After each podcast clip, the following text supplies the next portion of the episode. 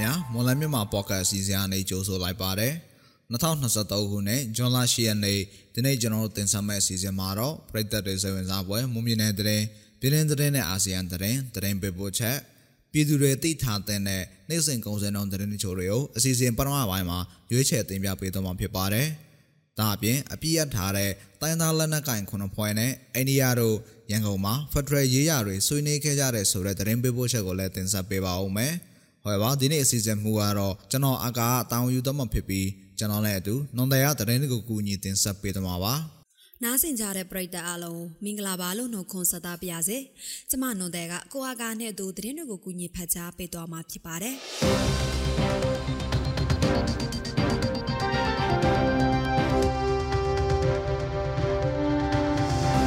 ပထမအဦးဆုံးသတင်းဘောအနေနဲ့တထုံမြို့နယ်ကမာဆိုင်ကျေးရွာနဲ့ကလိကျွန်းကျေးရွာကြား ရန်ကုန်မော်လမြိုင်ကားလမ်းမှာမိုင်းဆွဲတိုက်ခိုက်ခံရမှုကြောင့်အမျိုးသားတဦးမိုင်းစားထိမှန်တန်ရာရရှိခဲ့တယ်လို့ဒေတာခန်နေစီကနေသိရပါဗျ။တနေ့ကမနက်7:00နာရီအချိန်ခန့်ကကမာဆိုင်ကျေးရွာနေဥခိုင်ထွန်းနဲ့ဥဖာသေးဆိုသူနှစ်ဦးဟာဆိုင်ကယ်မောင်းနေလာစဉ်ကမာဆိုင်ကျေးရွာနဲ့ကလိကျွန်းကျေးရွာကြားအရောက်မိုင်းဆွဲတိုက်ခိုက်ခံရတာဖြစ်ပါတယ်။မိုင်းဆွဲခံရမှုကြောင့်ဥခိုင်ထွန်းရဲ့ဝမ်ပိုင်မှာမိုင်းစားဖောက်ဝင်တန်ရာရရှိခဲ့ပြီးဥဖထေကတော့ထိခိုက်ဒဏ်ရာမရရှိခဲ့ပါဘူး။ မိုင်းစားထိမှန်ဒဏ်ရာရရှိခဲ့တဲ့ဥခိုင်ထွန်းကိုလူမှုကူညီကယ်ဆယ်ရေးအဖွဲ့အကူအညီနဲ့တင်စိတ်တိုက်နယ်စီယုံကိုပို့ဆောင်ပေးခဲ့ပါတယ်။စစ်ကောင်စီထောက်ခံ Telegram Channel မှာတော့ဘီလင်ဘက်ကနေတထုံဘက်ကိုမောင်းနှင်လာတဲ့စစ်ကောင်စီရင်တန်းကို KNU PDF အဖွဲ့ကမိုင်းဆွဲတိုက်ခိုက်ရာမှာစစ်ရင်တန်းမထိပဲစစ်ရင်တန်းအနာဝါနေဆိုင်ကယ်စီးနှင်းလိုက်ပါလာတဲ့ပြည်သူနှစ်ဦးထိမှန်ခဲ့တယ်လို့ဖော်ပြထားပါတယ်ခင်ဗျာ။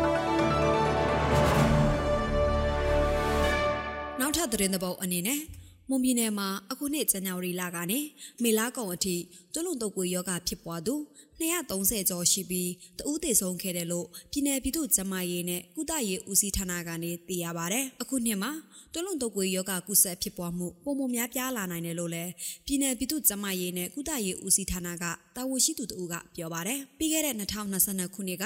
မွန်ပြည်နယ်အတွင်းတွလုံတုပ်ကွေယောဂကုဆက်သူဖြစ်ပွားသူပေါင်း2000ကျော်ရှိခဲ့ပြီးသေဆုံးသူတဦးသာရှိခဲ့ပါတယ်။သွေးလွန်တုပ်ကွေးနဲ့ပတ်သက်ပြီးပြည်သူ့ကျန်းမာရေးဦးစီးဌာနအနေနဲ့ပြည်သူလူထုအခြေပြုသည့်စနစ် ကျောင်းအခြေပြုသည့်စနစ်ယောဂဖြစ်ပွားတဲ့ကလေးလူနာတယောက်တွေပါကဆော့ရှောက်ရမယ့်စနစ်စတဲ့စနစ်၃မျိုးနဲ့ဆောင်ရွက်နေတယ်လို့လည်းဆိုပါတယ်။ဒါအပြင်ယောဂခံစားနေရတဲ့ကလေးတွေအသက်အန္တရာယ်ဆိုးရန်ရတဲ့လက္ခဏာရှိလာပါကစောစီးစွာလှည့်ပြောင်းနိုင်ရေးအတွက်ကိုလည်းမြို့နယ်တိုင်းကကျမရေးဝန်ထမ်းတွေနဲ့ဝန်တီယာအားလုံးကိုစီယုံပြီးလှုပ်ဆောင်နေတယ်လို့ဆိုပါတယ်ရှင်။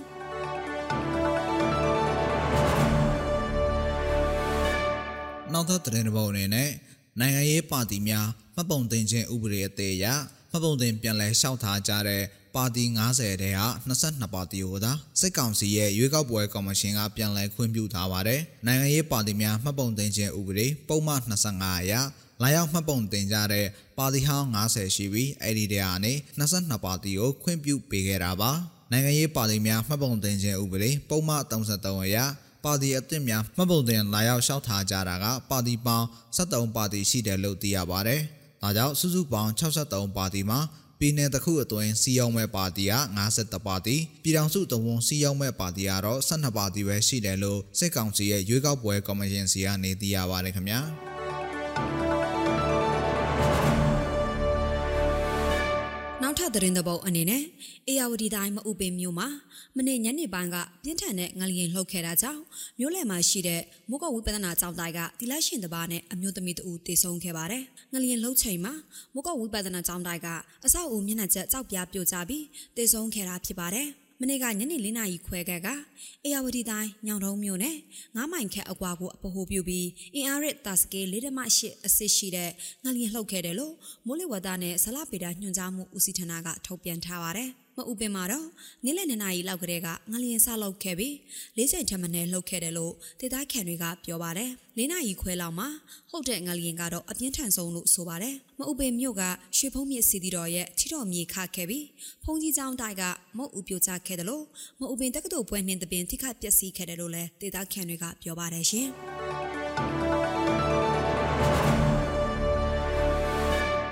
နောက်ဆုံးသတင်းတစ်ပုဒ်အနေနဲ့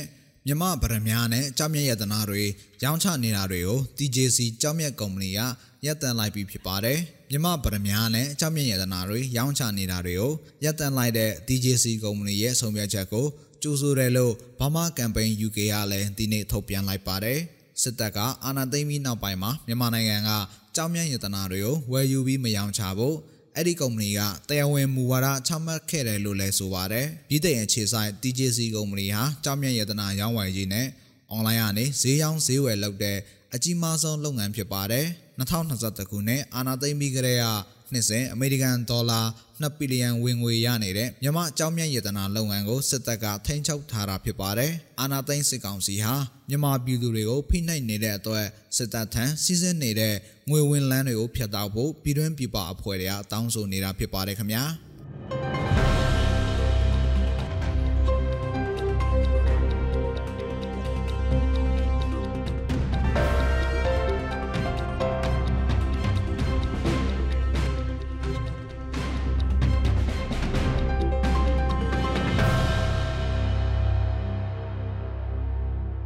ပြည်သူတွေသိထားတဲ့နေ့စဉ်ကုန်စည်နှုန်းသတင်းချို့တွေကိုမော်လမြိုင်ကုန်စည်တိုင်းကအချက်လက်တွေကိုအခြေခံပြီးတင်ဆက်ပေးပါဦးမယ်။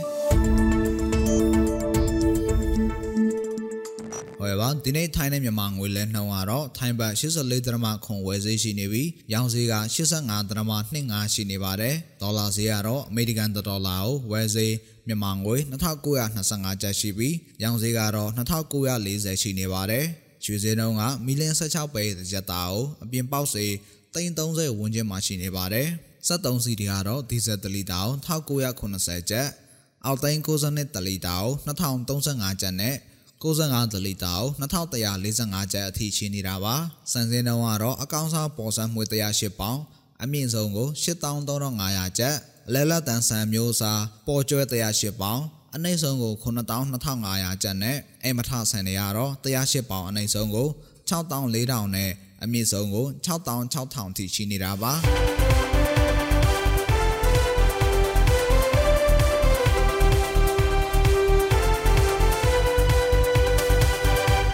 အခုတင်ဆက်ပေးတော့ခဲ့တာကကျွန်းလာရှီယန်နေမှာဖြစ်ပျက်ခဲ့တဲ့အမှုမြင်တဲ့တဲ့ရင်ပြည်တွင်းတဲ့နဲ့အာဆီယံတဲ့တွေအပြင်တနေ့တာစီစေးငွေစင်းနဲ့ကုန်စည်နှုန်းတွေကိုတင်ဆက်ပေးသွားခဲ့တာဖြစ်ပါတယ်။ ဆက်လက်ပြီးတော့အပြည့်ရထားတဲ့တန်သားလက်နက်ကင်ခုနှစ်ဖွဲ့နဲ့အိန္ဒိယတို့ရန်ကုန်မှာဖက်ဒရယ်ရေးရတွေဆွေးနွေးခဲ့ကြတဲ့ဆိုတဲ့သတင်းပေးပို့ချက်ကိုနဒီယတင်ဆက်ပေးပါဦးမယ်။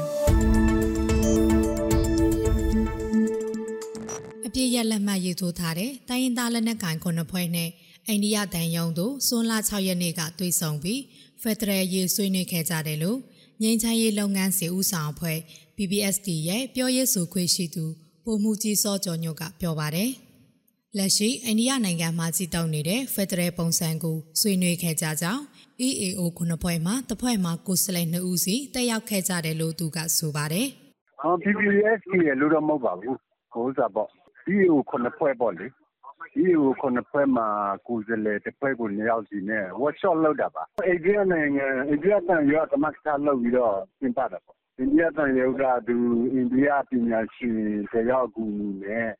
အိန္ဒိယနိုင်ငံမှာကျင့်သုံးနေတဲ့ Federal System တွေအတွေ့အကြုံတွေမျှဝေပေးတာပါ။အိန္ဒိယနိုင်ငံမှာ ပြည်내28ခုနဲ့ပြည်ထောင်စုနယ်မြေ9ခုရှိကြောင်းအဲ့တဲ့ထဲမှာပထဝီကိုကိုစားပြုတဲ့ပြည်နယ်လူမျိုးစုကိုကိုစားပြုတဲ့ပြည်နယ်နဲ့အမျိုးသားများပြည်နယ်ဆိုပြီးရှိတယ်လို့သိရပါတယ်။အိန္ဒိယနဲ့ဖက်ဒရယ်အကြောင်းဆွေးနွေးခဲ့တဲ့အပြစ်ရက်ခုနှစ်ဖွဲ့မှာရှမ်းပြည်ပြည်လဲသူထောင်ရေးကောင်စီ RCSS SSA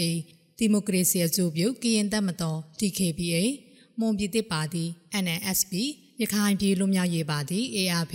ကရင်အမျိုးသားစီရောင်ကရင်အမျိုးသားလူမျိုးရေးတပ်မတော်ငြိမ်းချမ်းရေးကောင်စီ KMU KNRA PC ပအိုးမျိုးသားလူမျိုးရေးအဖွဲ့ချုပ် PNRO လာဟူးဒီမိုကရက်တစ်အစီရောင် LDO တို့ဖြစ်ကြပါတယ်။အိန္ဒိယအနေနဲ့တိုင်းရင်းသားလက်နက်ကိုင်အဖွဲ့တွေကိုဖက်ဒရယ်နဲ့ပတ်သက်ပြီးတင်တန်းပို့ချတာ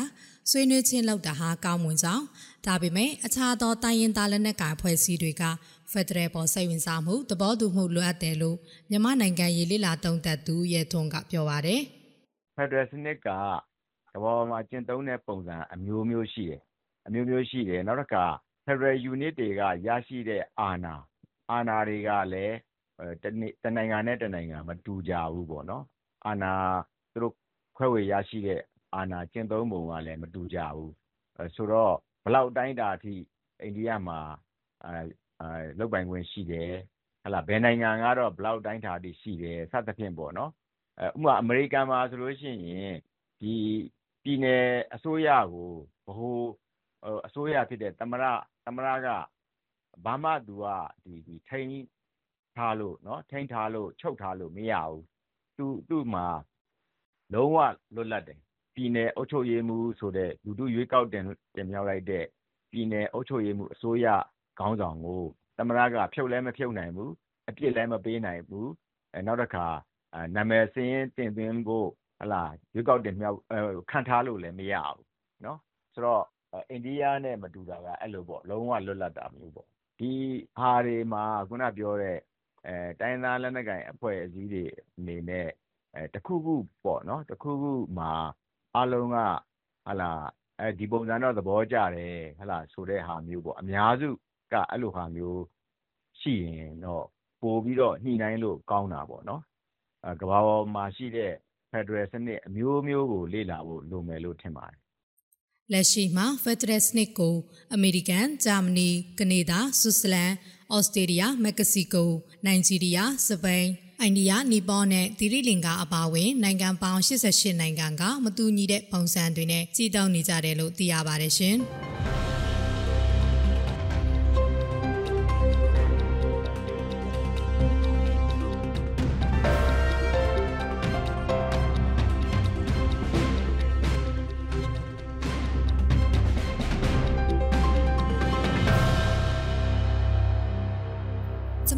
မွန်လန်းမြမာဖော့ကတ်အစီအစဉ်ဒီမှာတင်ပြီးဆုံးပါပြီ။နားဆင်ကြတဲ့ပရိသတ်အားလုံးကိုနောက်နေ့အစီအစဉ်တွေမှာဆက်လက်အားပေးကြပါအောင်လို့ဖိတ်ခေါ်ရင်းအစီအစဉ်ကိုဒီမှာပဲအဆုံးသတ်ပါရစေ။အားလုံးကိုကျေးဇူးတင်ပါတယ်ရှင်။